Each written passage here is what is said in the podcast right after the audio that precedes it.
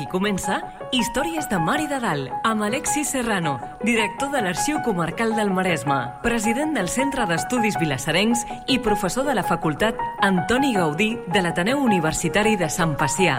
Un programa sobre el nostre passat, les històries, les tradicions, els personatges i el patrimoni de Vilassar de Mar.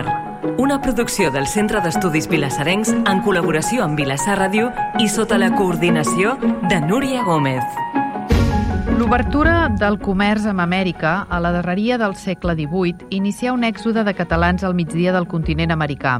A partir de mitjan segle XIX i fins les primeres dècades del segle XX, un gran nombre de vilassarencs s'establiren sobretot a l'Uruguai i a l'Argentina, però també en d'altres indrets de la geografia del Nou Món, com ara Cuba i Nova Orleans.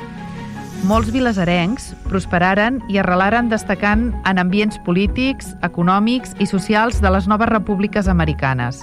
Avui, a Històries de Mar i de Dalt, de la mà de Jordi Casanovas, parlarem del percurs vital i professional d'algun d'aquells vilassarencs que van participar en la construcció política, social i econòmica dels nous països nats de la descomposició colonial. Històries de Mar i de Dalt. Entrant en matèria. Benvinguts. En el programa d'avui parlarem amb en Jordi Casanovas sobre els americanos.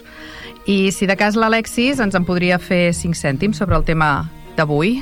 Doncs sí, aquest és un tema que, que es, va i torna, va i torna i, me, i més o menys cíclicament van sortint segons quins temes, temes de colonialisme, temes de tràfic d'esclaus, en aquest programa n'hem parlat, hi ha una idea malentesa, hi ha una idea malentesa que és que amb el matrimoni d'Isabel i Ferran, al segle XV, 1469, si no m'equivoco, s'unifiquen les dues corones, la corona de Castella i la, la corona d'Aragó, i neix Espanya.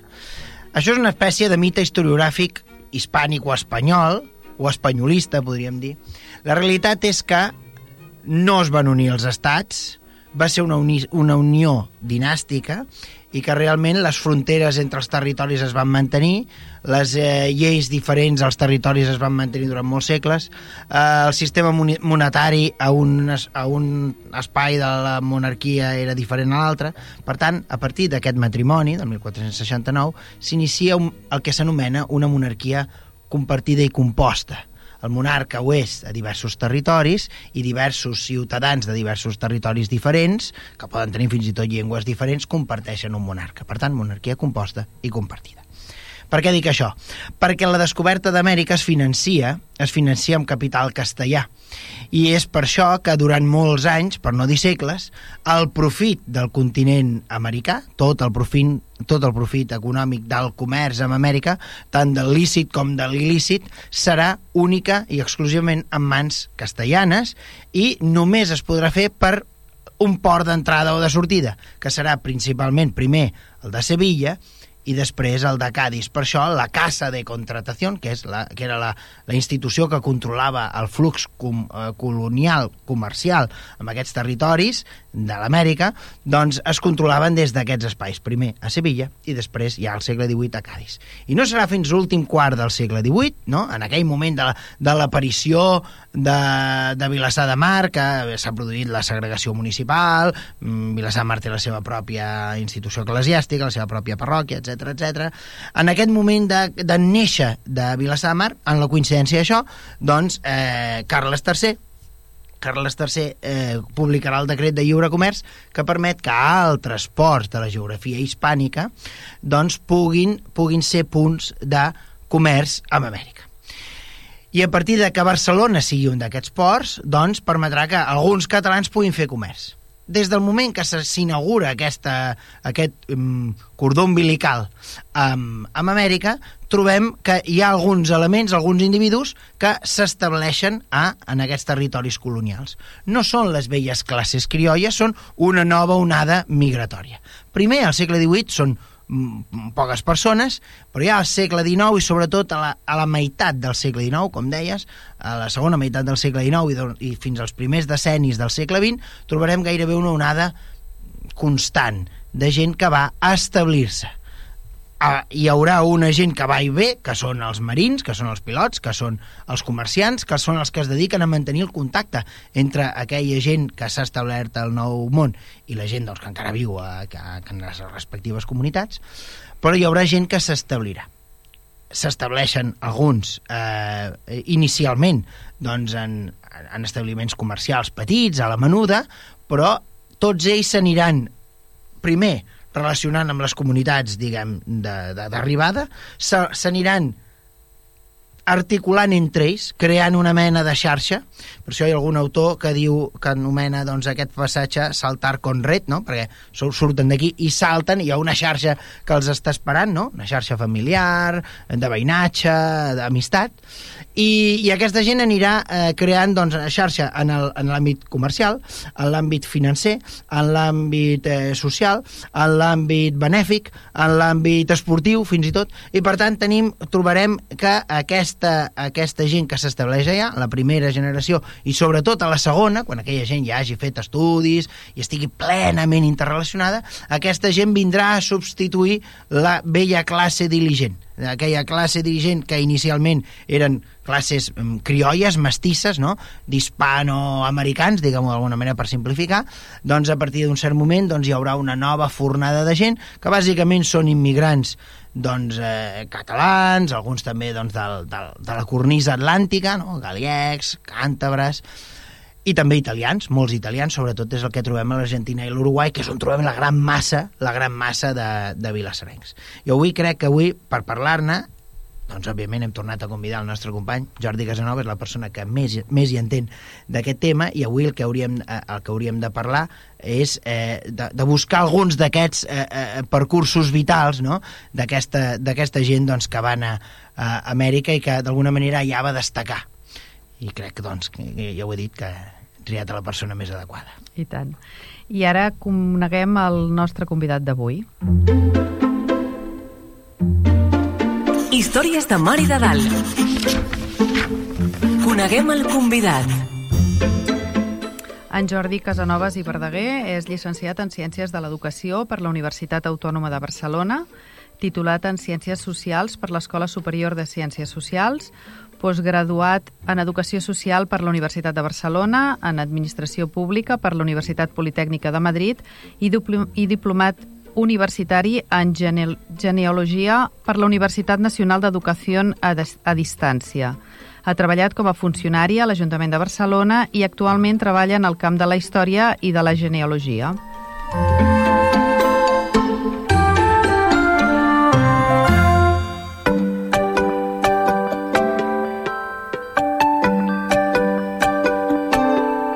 Benvingut, Jordi.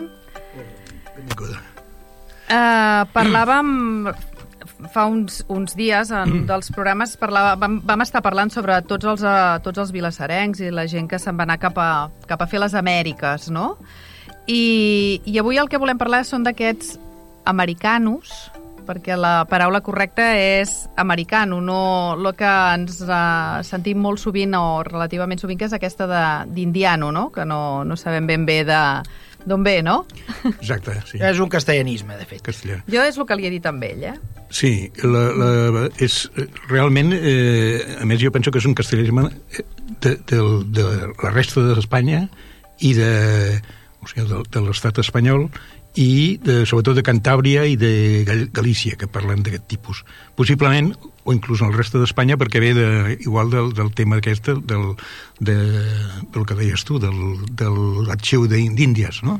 D'Índies i, de, i del, de la contracte que tenien. La casa de contractació. Casa, mm. casa de contractació. Mm. Clar, realment, eh, eh clar, això, això ens, ens aniria mà directament a la costella de dam un altre cop. Quan Cristòfol Colom arriba a, a l'Espanyola, no? el que després anomenarem l'Espanyola, i, i està convençut que ha arribat a la part més oriental del Japó, no? el que aleshores se'n deia el, el Chipango.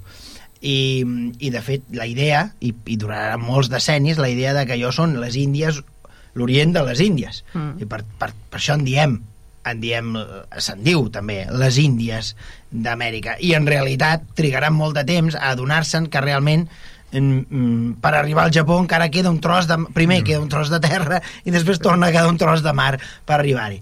I és veritat doncs, que la Casa de Contratació el que es dedicava era organitzar el comer, la carrera d'Índies, el comerç, el comerç eh, de les Índies de la mateixa manera que els holandesos tenien, tenien una companyia general d'Índies, etc etc. No, perquè aquesta era la idea. Eh, Tot, tot allò que estava ultramar, d'alguna manera, a les Índies, no? Es va arribar a aquesta idea.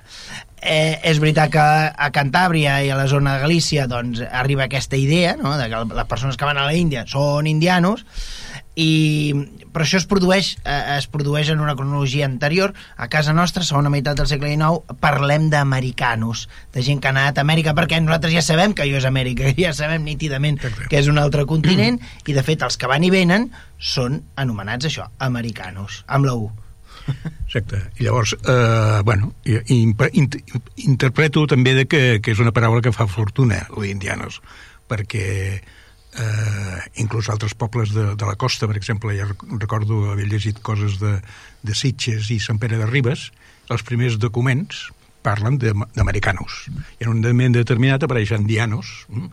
Interpreto, per exemple, la, la, la, la Vanguardia, que era el diari monàrquic i surt al moviment sempre en parla d'indianos, no? Però abans, aquí, el que dèiem, no?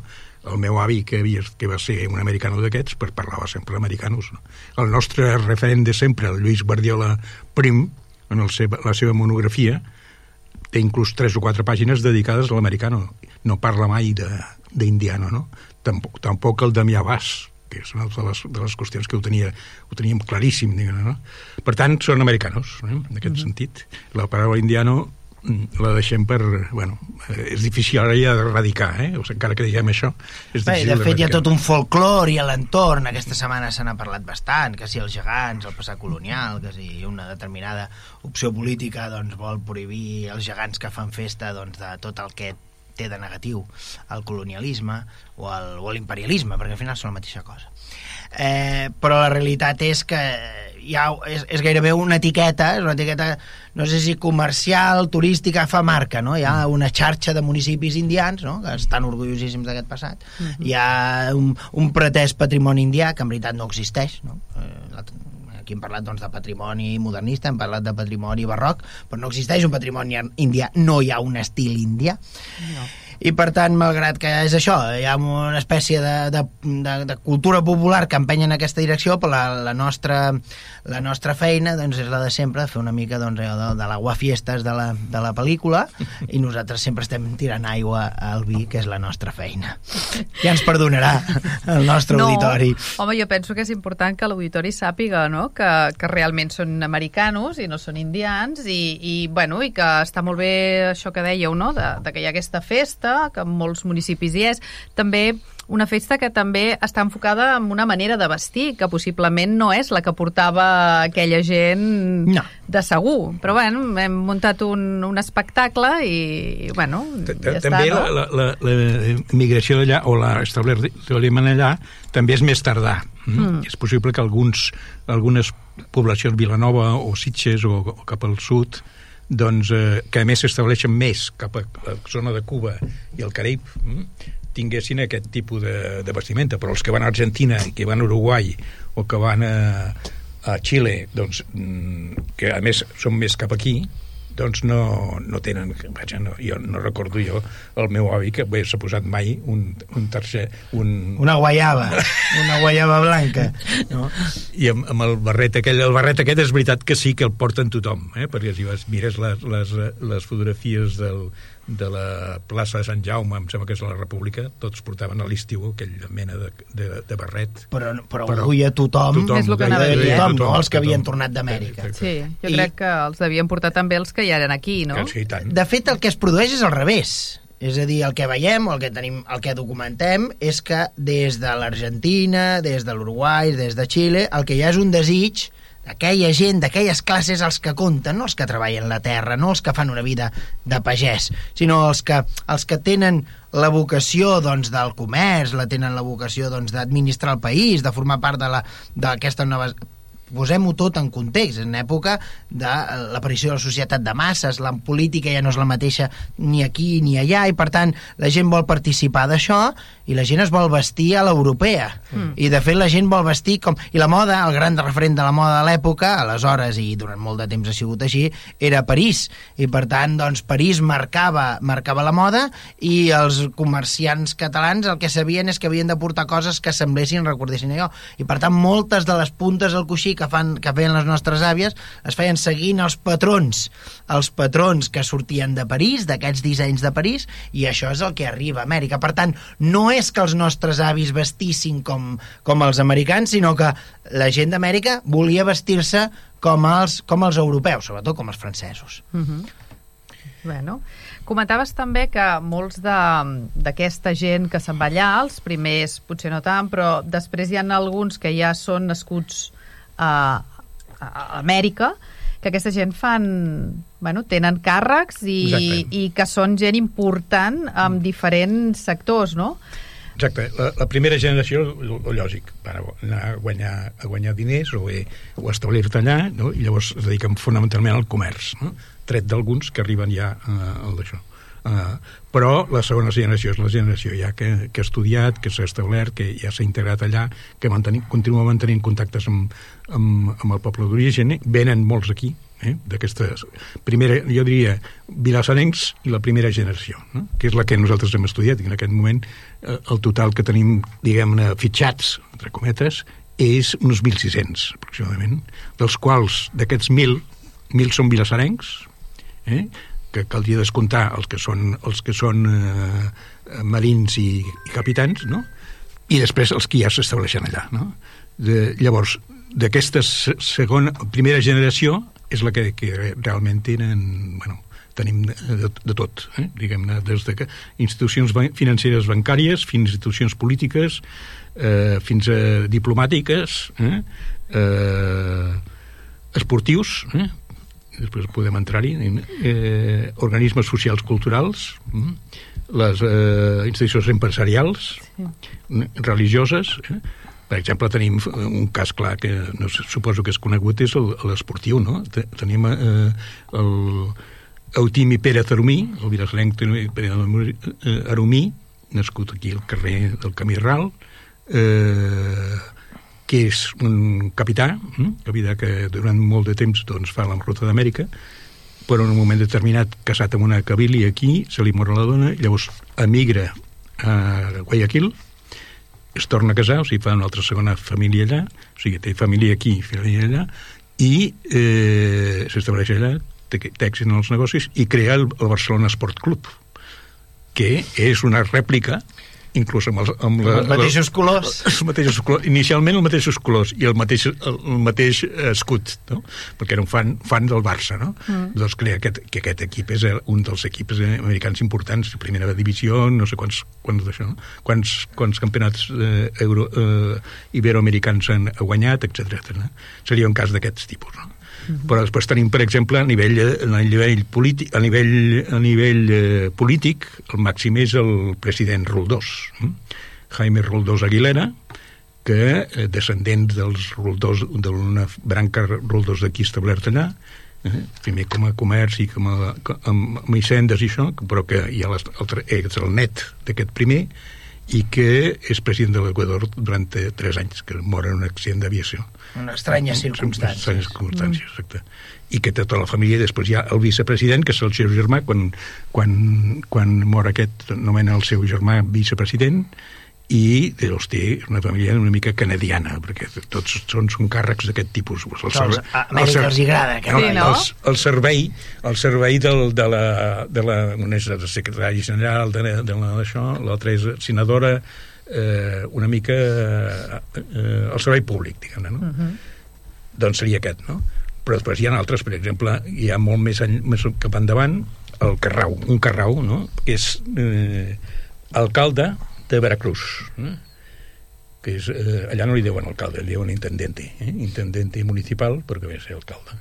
I aquest eh, alcalde que és aquest té la, la històricament la prerrogativa de que rep el, el, que des, el emperador Maximi, Maximilià un francès, francès que després, austriac, no francès, ara no recordo, Maximilian, Maximiliano... Sí, d'Àustria. D'Àustria, exacte i que després serà fusionat. Bueno, L'imperi austro Sí, mm -hmm. que de, de Mèxic, que entra de imperi, i després amb les revolucions aquestes se'l carreguen. Perquè intenta coronar-se emperador del Brasil, bueno, hi ha tota una moguda i, i bé, bé, sí. Llavors aquest està a Veracruz, que l'alcalde el rep, desembarca i el rep. No? Llavors hi ha algunes cròniques sobre això.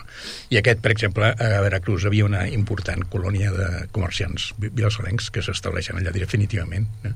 També n'hi havia de mataronins, eh? Jo també, no dic res, jo no dic res, eh? Jo no dic res, jo. No dic res. Home, els de Mataró encara, perquè és l'aire... Jo no sé si al nostre auditori li ha quedat clar la dicotomia que té aquest programa, que és que hi ha una part vilasarenca i una part mataronina per complir la quota maresmenca, eh? I, i, i no sé si queda prou clar qui va de part de qui.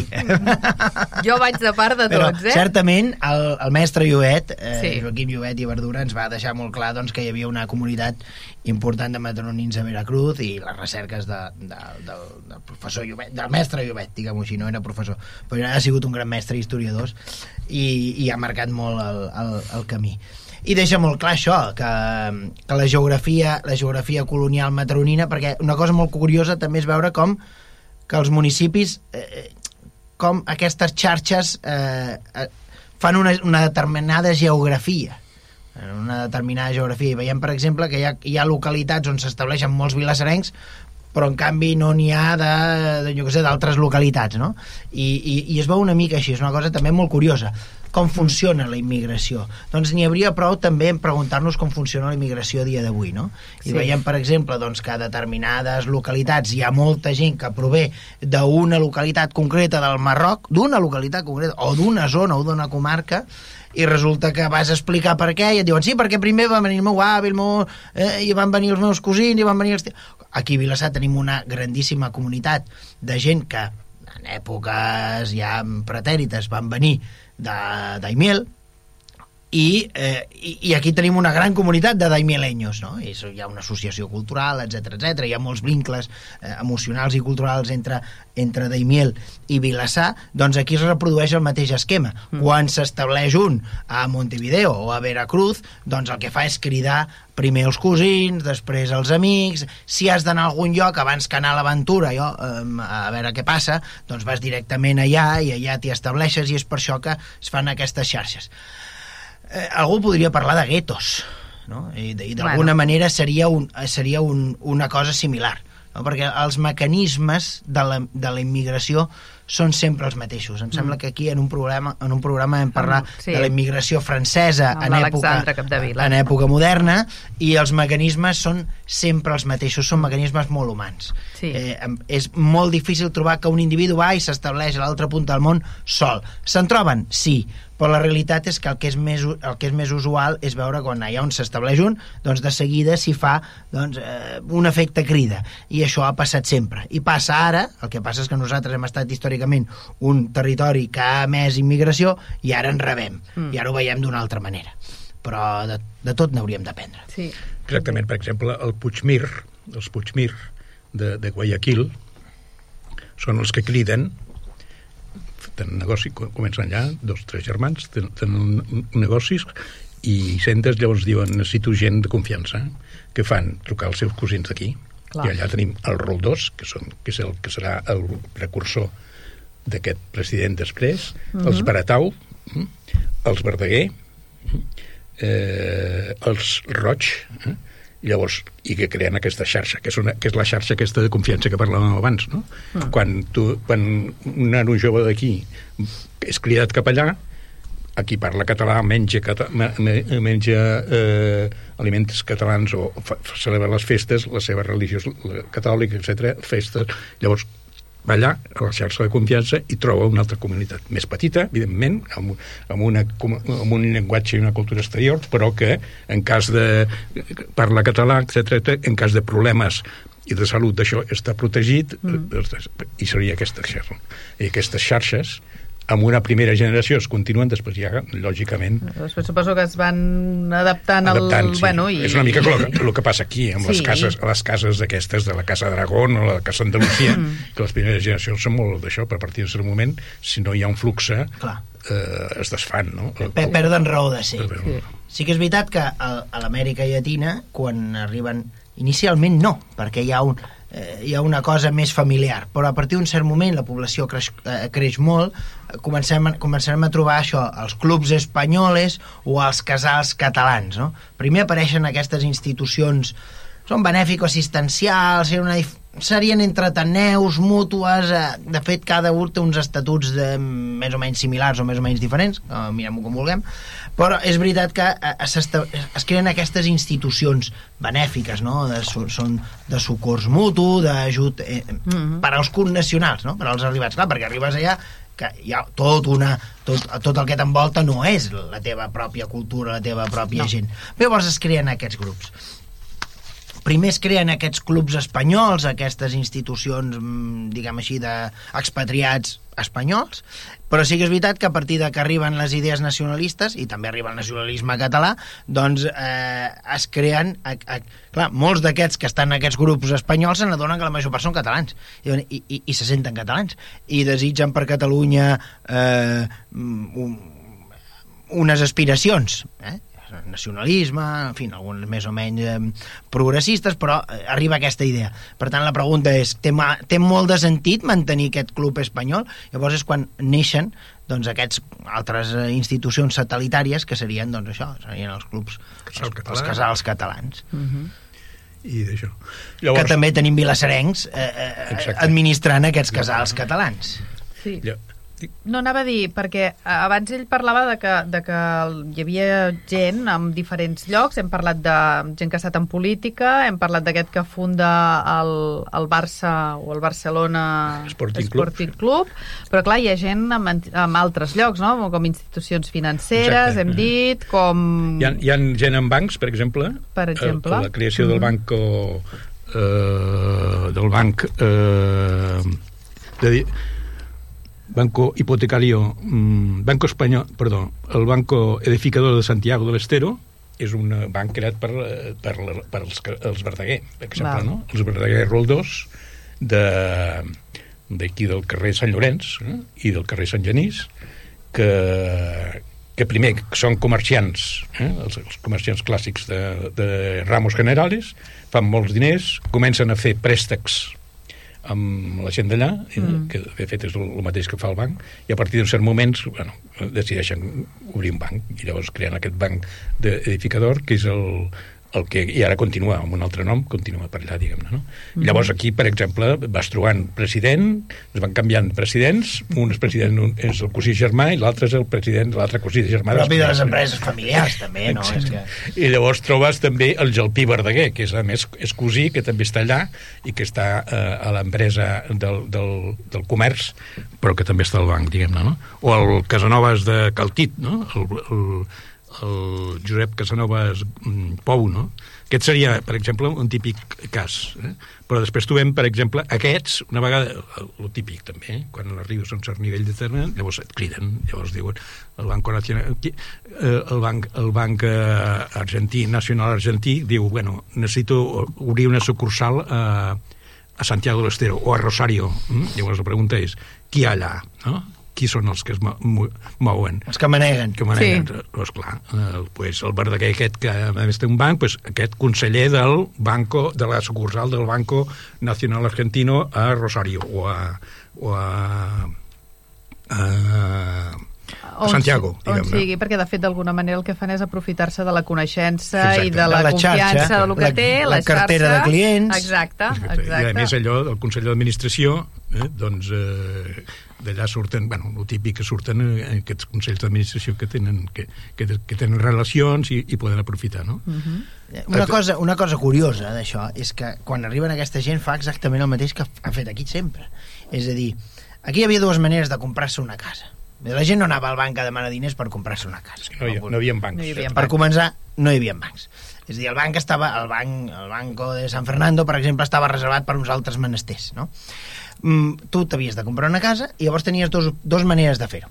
Normalment això es feia, la, la, la compra es feia, se'n deia, a carta de gràcia. Carta de gràcia vol dir que jo eh, vull comprar una, una propietat, però no tinc els diners, no tinc els diners. I eh, tu eh, tens el, tu tens la propietat i llavors un altre em pot deixar els diners, no?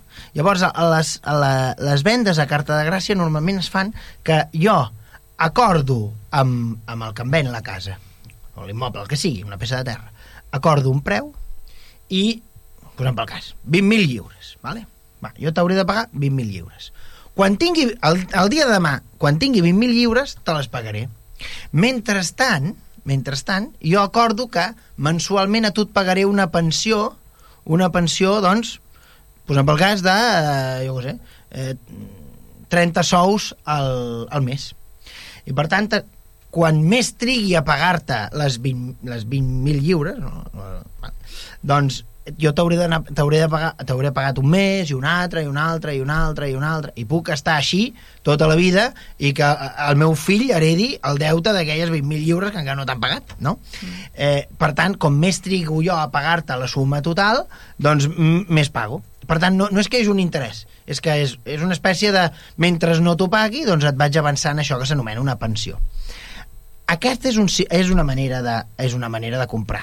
Per tant, mm, el venedor no rep el, el preu total, no? el munto total del que val la casa, sinó que va percebent unes pensions. Però què passa quan el venedor vol, perquè necessita els diners, necessita els 20.000 lliures mm, de cop?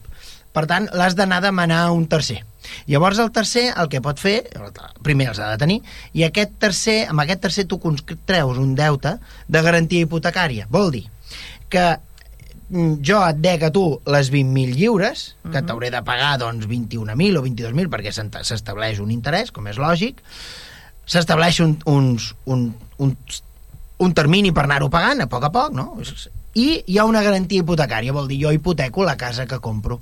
I per tant, si no t'ho pago tu i no pago quan toca, doncs tu tens el dret de recuperar, a, a quedar-te aquesta propietat, ¿vale? Què passa? Hi ha gent que ha fet això aquí durant molt de temps. De fet, de fet això ho feien els veïns de normal. Quan tu sabies que un veí tenia diners i tu havies de comprar-li una casa al fill o no sé què, no tenies el diner, li demanaves al veí i ho feies així. I es feia així. Els notaris estaven farts de, de signar entre particulars crèdits de garantia hipotecària. O quan arriben aquesta gent a Amèrica fa exactament el mateix. Fa exactament el mateix, però hi ha un, hi ha un altre element de més a més, que és que aquesta gent està... Hi ha alguns que estan que tenen negocis i fan diners, però és que a més a més, com que comencen a tenir gent imbrincada en, l'administració, quan, per exemple, surten a subhastes unes grans terres, no? doncs a la que corre el xivatasso, qui qui pot comprar aquestes propietats, no? Aquests, aquestes, aquestes extensions. Estem parlant d'acres i acres i acres de terra, eh? Allò de, del Far West, doncs és allò. 30.000 30.000 hectàrees. 30.000 hectàrees, una cosa, eh? Que- Allò que... El rei León, no? Allò, Fins allà on mires, eh, tot això un dia serà teu, doncs això.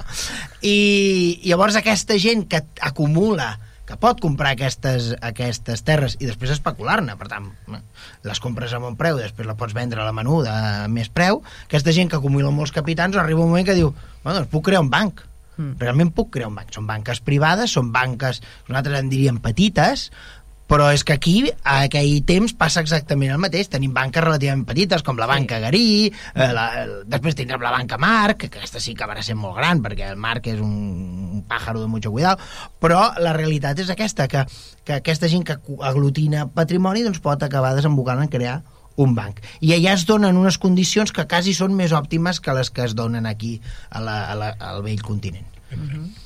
Llavors, creant això, no? De, eh, després tenim, per exemple, l'altre Verdaguer, eh, que és germà d'aquest, eh, a Rosario, crea la banca, eh, és un, de la, un dels molts, eh, en aquest, en cas, que creen la, la banca, el Banco Provincial de Rosario, no? Seria un cas clar, i després està en el Consell d'Administració, etc. no? El, un altre cas, en aquest cas mm, bastant excepcional perquè tenim poca informació del, del que, dels que van anar a, a Estats Units, mm? tenim el, el Philip, mm, Philip Comas, que és el net del... Eh, que surt en el llibre de Lluís... Lluís L'oncle Nos. L'oncle Nos, no? que és un, que està a Geòrgia, eh? que arriba senador de, que aquest eh, que eh, arriba senador de, de l'estat de Geòrgia i aquest crea el banc Baxley Banking Company no? que també té una, una que és un banc relativament petit i que, bueno, que és el fundador del banc aquest aquest, entre altres coses, per exemple, és, és maçó, hm? és, de la, pertany a la maçoneria, i a més en la seva tomba, la fotografia de la seva tomba apareix un, un, el triangle, el triangle famós, famós no? Uh. -huh. Després tenim el Banco de Crèdito, per exemple, els ferrers, els ferrers, eh, eh, ferrers de, de, de, i els Carrau de, de Montevideo, que són una potència, no? El, el, un dels fills del, del, Pedro, del Pere Ferrés Carrau, hm? que és cosí dels altres Carrau Ferrers, eh? eh, està al Banco de Crédito de, del, de, de Montevideo. No? L'altre està al, al Banco Italiano de l'Uruguai, no? que seria un altre cas clar. No? I la Caja Autónoma d'Amortitzacions, no? que és una de, pertanyent al Banco de la República Oriental de, de l'Uruguai. No? Mm. Ara que aneu dient, eh, aneu dient cognoms i tota l'estona es van... Repetint. O sigui, com repetint, no? Sí, sí. Uh, que, la, que, de fet, uh, o sí. n'hi havia molts o... Bueno, els cognoms que hi havia a Vilassar, també. Sí, no, no, però... I abans de, dels cognoms pagesos, mm. és a dir, trobem pocs de cognoms pagesos, perquè la gent del camp, no, en general, Clar. no no anava a fer les Amèriques. Vull dir que si hi ha algun vilassarenc sentint-ho dirà, són uns determinats cognoms, però sí, són aquests cognoms que fan olor salats, fan olor a mar, però en canvi mm. hi ha uns altres eh, que són els de la terra ferma, que aquests, que aquests, no. aquests va, no, no van participar massa de l'aventura. La, la cosa divertida d'això és que encara havíem pogut parlar amb, la, amb, amb una les últimes grans exponents d'una d'aquestes famílies marines, no? el Sust, la Rosa Sust ho explicava sempre, no? I jo li vaig preguntar un dia curiosit, dic, vostè i la seva germana no es van casar mai. I em va dir, diu, és que meu, diu, a la meva època ja no quedaven marinos. I, ah, i com només que no... es podien casar amb marinos. I clar, i diu, el meu pare diu, no haguera permès mai que em casés. I jo li deia, home, però hi havia molts pagesos que, havien fet, que estaven fent molts diners, primer amb la patata, després amb el clavell, per tant, haguereu pillat una època bona, i diu, sí, sí, diu, jo no ho nego que no hi haguessin pagesos que, que, que, que poguessin estar a l'alçada de la nostra família, alçada econòmica. Diu, però culturalment hi, ha una, hi havia un abisme entre una determinada gent, no la gent que té, doncs això, la gent de món, no sé què, i després la gent més aferrada doncs, a, al tros.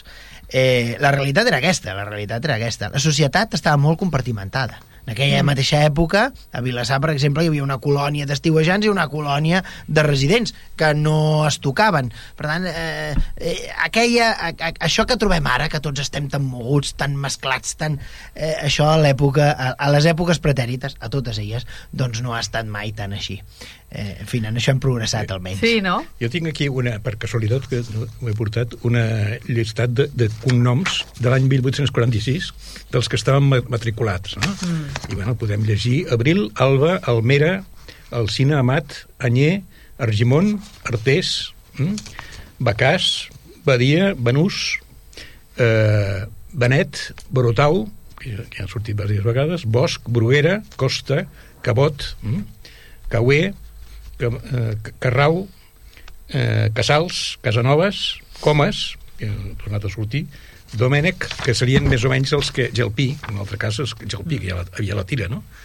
Eh, Feliu, eh, Guardiola, eh, bueno, els cognoms més o menys de l'època, que, que de fet són, són... Hi ha uns 25 primer cognoms, sí. que són els que creen, creen el, el, el, que surten, el, surten diguem-ne, els, els patricis, que diria jo, no? els que creen Vilassar de Mar el 1784, i clar, aquests són els descendents, no? Mm -hmm. I com Vilassar de Mar durant molts anys va ser de 2.000-3.000 habitants, hi ha poca, poca entrada, diguem-ne, no? Això vol dir que eh, es, eh, eh, bueno, la, la creació de, de, de motius o de sobrenoms ve per això, perquè clar... De, per diferenciar, per diferenciar, no? 300 ferrers, doncs has d'identificar de quina casa és, són aquests, no? El sus d'aquest eren el sus de Camparet, el sus de Can, etc etc. no? Uh mhm. -huh. Llavors passa, passava això. La, la cosa interessant és que molts d'aquests cognoms sí. són cognoms que havien estat, que venen de França, sí. que per tant són immigrants del segle, que al segle XVI, al segle XVII han vingut de, del migdia francès i s'han establert al Principat, a casa nostra, i que a, a finals, a, a mitjans segle XIX, algunes d'aquestes famílies s'establiran a Amèrica, Amèrica. I, i és molt interessant veure doncs, doncs això, no? que hi ha, al final hi ha nissagues de famílies migrants, d'alguna manera no, aquests, potser- aquest, aquests Baratau, que parla, aquests són els que parlava el cap de Vila, la, L'Alexandre Capdevila. Alexandre Capdevila, quan, quan parlava dels occitans, no? Mm. Caratau, Carrau, bar, perdó, Baratau, Carrau, Cauer, per exemple, serien tots aquests cognoms. Són aquests noms que, que, que surten aquí, a més estan molt a prop, perquè, per exemple, els Baratau venen de, pràcticament, si coneixeu la Vall d'Aran, quan acaba la frontera, l'altra és la, el bisbat de Cominges. Doncs venen, venen d'allà, diguem, no? I són els que, que després hi ha la branca, que, aquestes branques que estan a Amèrica, o sigui, que salten d'aquí a... Aquesta gent ja portava l'ADN de la immigració, eh? Vull El dir- Jordi ha fet servir una expressió quan ha llegit aquest llistat de Sí. cognoms, ha dit, dels que eren matriculats a 1846. 46. Eh, Un dia parlarem de què és la matrícula de mar i què significa estar matriculat.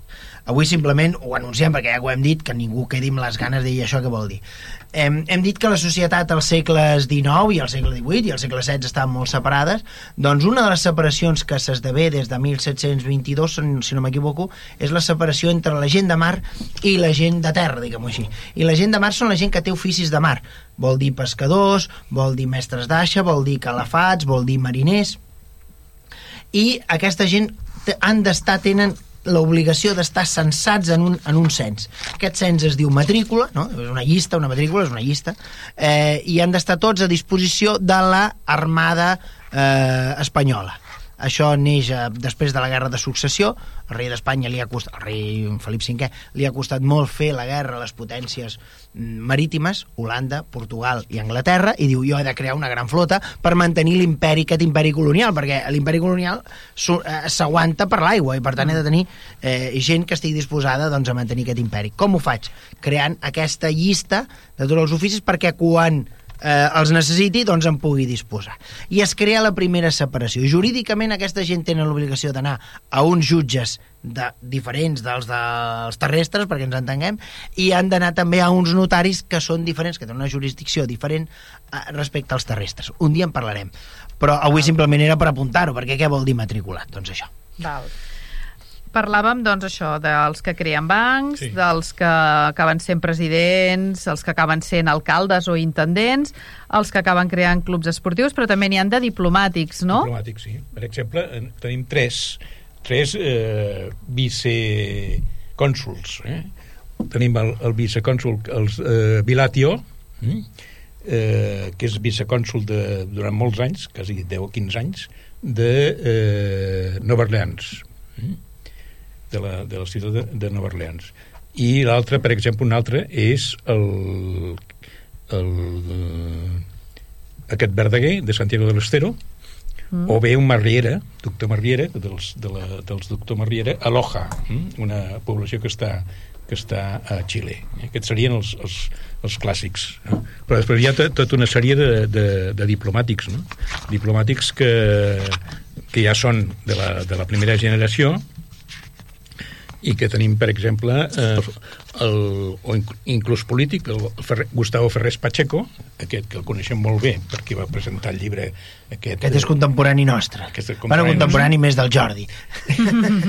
que va fer el llibre de que, de, que sobre els Ferrers i els Carrau, que és la, la, de Vilassar de Mar... Eh, El Río de la Plata. El Río de la Plata, que és un, vam fer un llibre conjuntament, i aquest, per exemple, era viceministre d'Agricultura, mm -hmm. però després va ser eh, representant el Mercosur, mm? Mercosur és una mena de, de Unió Europea, Unió Comercial Europea, eh, eh, una Unió Comercial a, a la part de Sud-amèrica, Sí. a, a, a la, després va estar les missions comercials de, de la missió textil privada a la Xina, comissió del riu del Dio de la Plata, etc etc. Aquest seria un clars, clar, no? Uh -huh.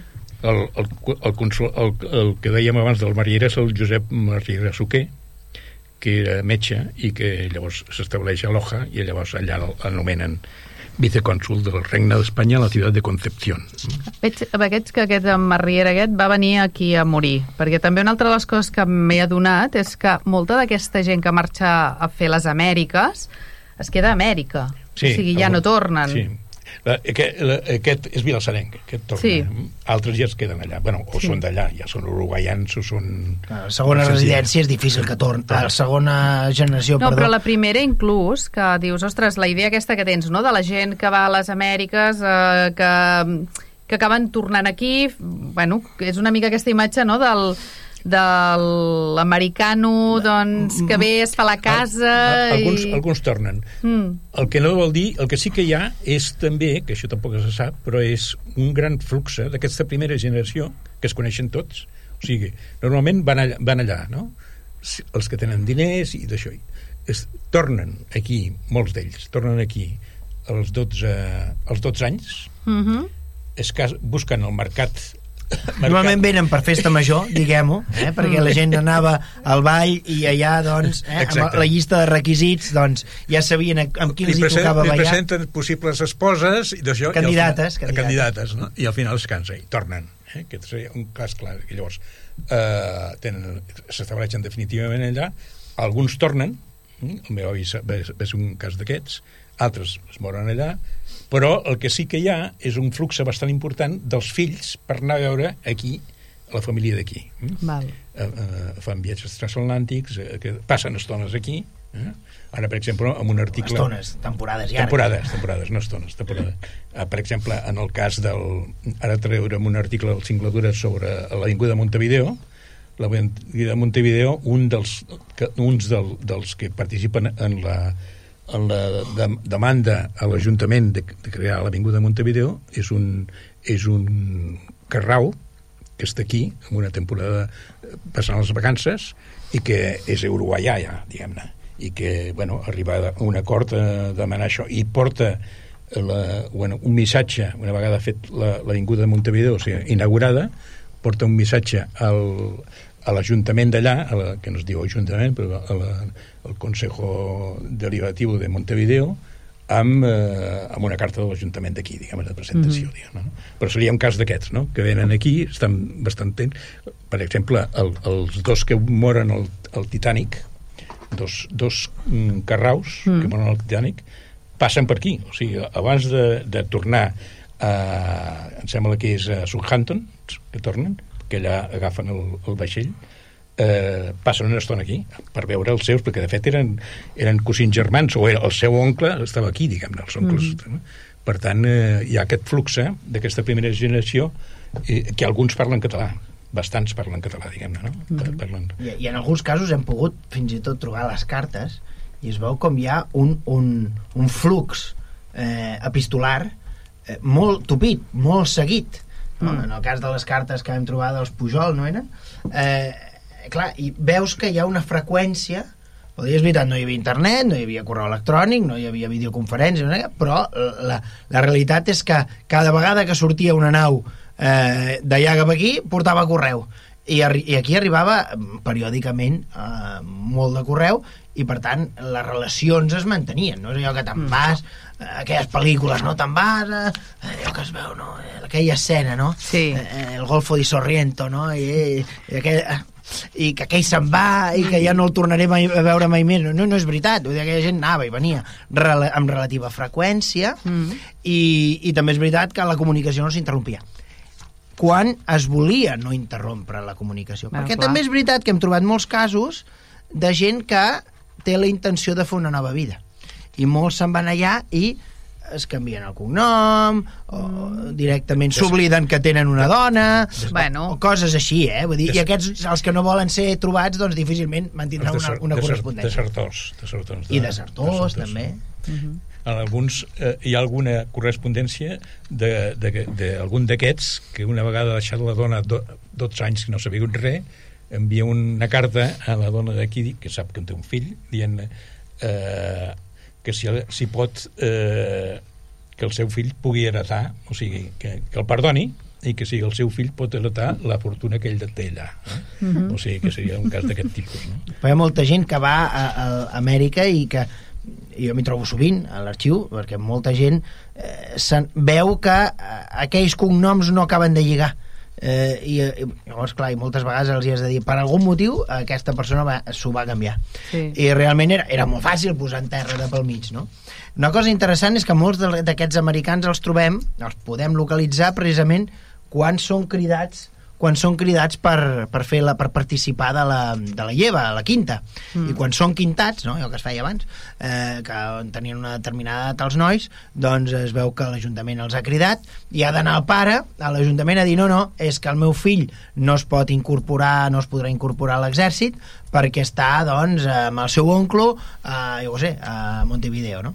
I és, I és així com veiem, com en la documentació es veu, i això sobre els acords de ple, no? S'han cridat aquest, aquest i aquest, i aquest i aquest i aquest, han respost als pares dient, doncs, o els pares, o els tiets, o els cosins, doncs que el fill, o el germà, o el cosí, o qui sigui, doncs està vivint a Montevideo o, o a l'Argentina. Alguns són declarats pròfugs. I es declaren pròfugs perquè es dona circumstància que aquests països entre mitges s'han independitzat. No és que sigui un territori colonial que pertany a, al, al, al, al, al regne d'Espanya. a partir d'un cert moment, clar, eh, Cuba, ai, l'Argentina és el primer territori que s'independitza, si no m'equivoco, el 1800... 11, no? 11 o 12? 15, 15. 15 va. el primer és de segle XIX, en època Després napoleònica. de independència, sí. En, en època napoleònica, perquè ens entenguem, i, i després hi ha una, cade, hi ha una cascada, rrr, després s'interromp i només quedarà, durant molt de temps, només quedarà Cuba, Filipines, Puerto Rico, la illa del Guam, això pel que fa a territoris, diguem-ho així, no africans. Els territoris africans, ja ho sabeu, la Guinea, l'Ifni, el Marroc, eh, el Sàhara... Però, llevat d'això, de l'imperi colonial espanyol queda l'ombra de si mateix. No? Uh -huh. Amèrica, insisteixo, Cuba, Filipines, Puerto Rico, la illa del Guam, això és el territori ultramar que, ens, que queda, que li queda. Per tant, tots aquests territoris que s'han independitzats, clar, tu per molt que te'n vagis allà, ja, ja no pots complir el servei militar en un altre territori. No. Tu ja no est- estàs fora de, administrativament de, de, del Regne d'Espanya uh -huh. i, per tant, se't declara pròfug. I, I segurament aquest també és el motiu pel qual molts trigaran a tornar doncs perquè quan ja t'assegures de que no et, poden, no et poden reclamar res per no haver fet el servei militar, no? Hi ha, hi ha alguna cosa interessant també amb això, de, Sí. que és el, el tema del, de, de les associacions que parlaves abans, de, de, Sí. de socors mutus. Aquestes associacions són les que, de fet, la palanca, són la palanca per, eh, per pujar de de, socialment, diguem no?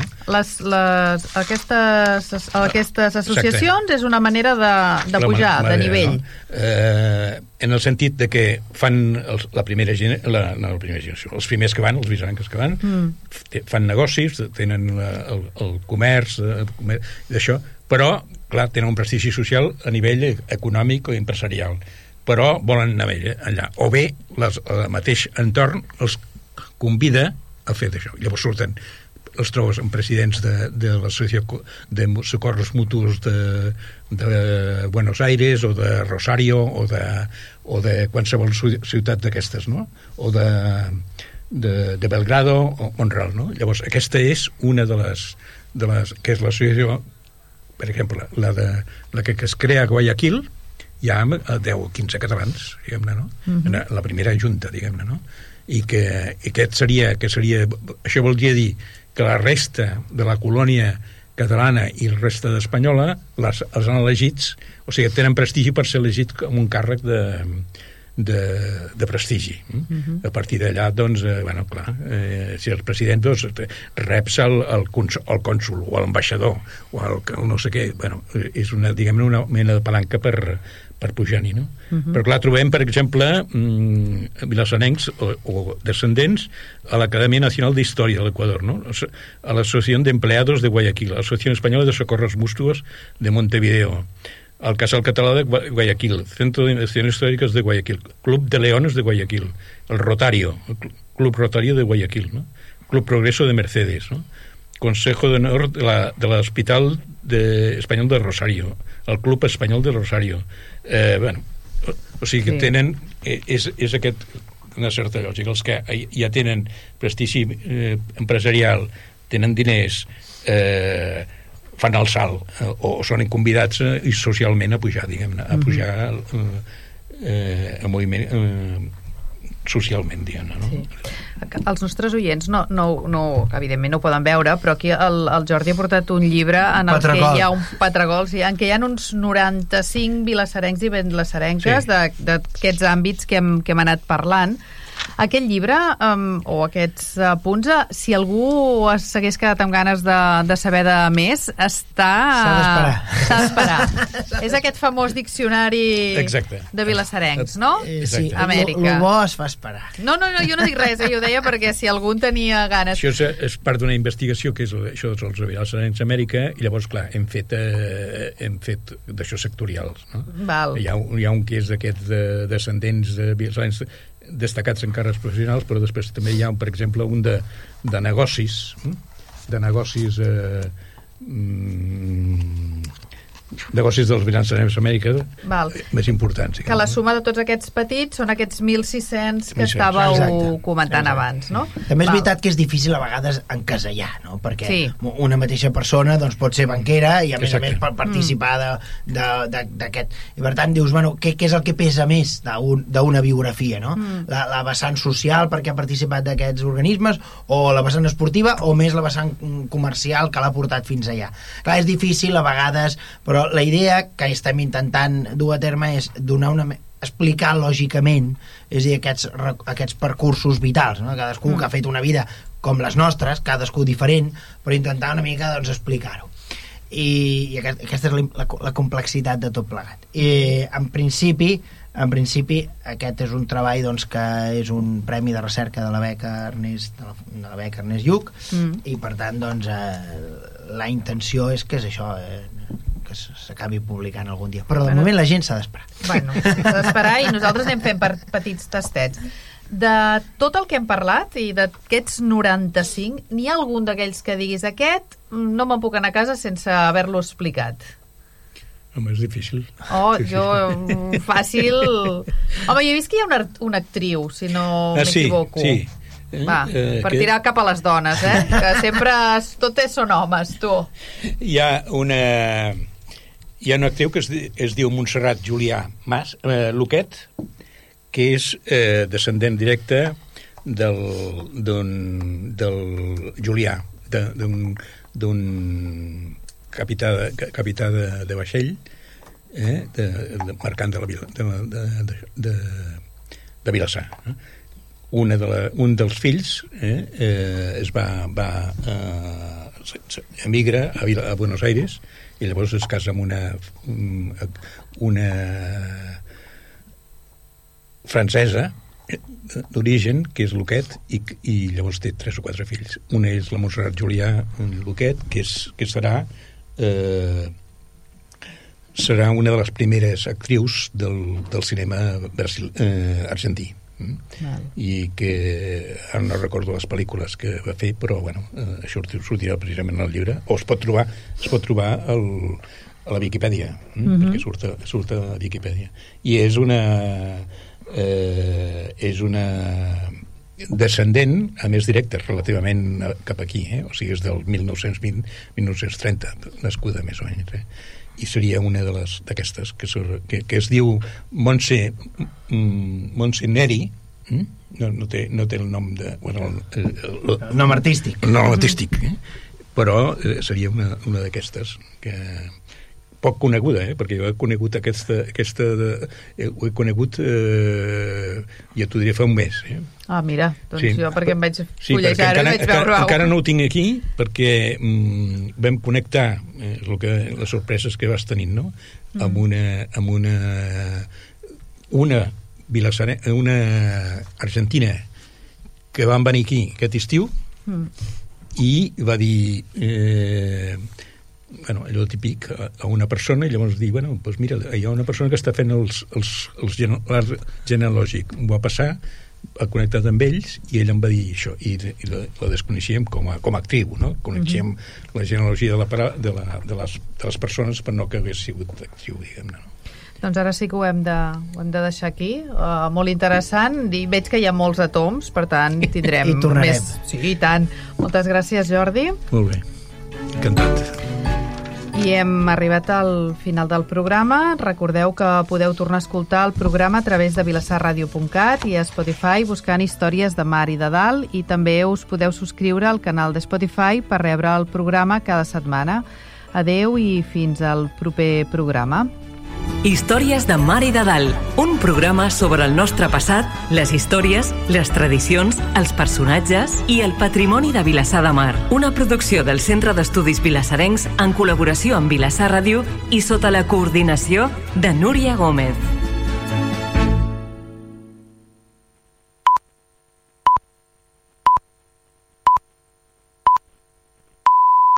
Vilassar Ràdio són les 10 de la nit. Només una, eh? Va, que amb una n'adones. Doncs vinga, una copa i prou. Encara que estiguis per sota del límit permès d'alcohol, la teva capacitat de conducció disminueix des de la primera copa i la possibilitat de provocar un accident augmenta.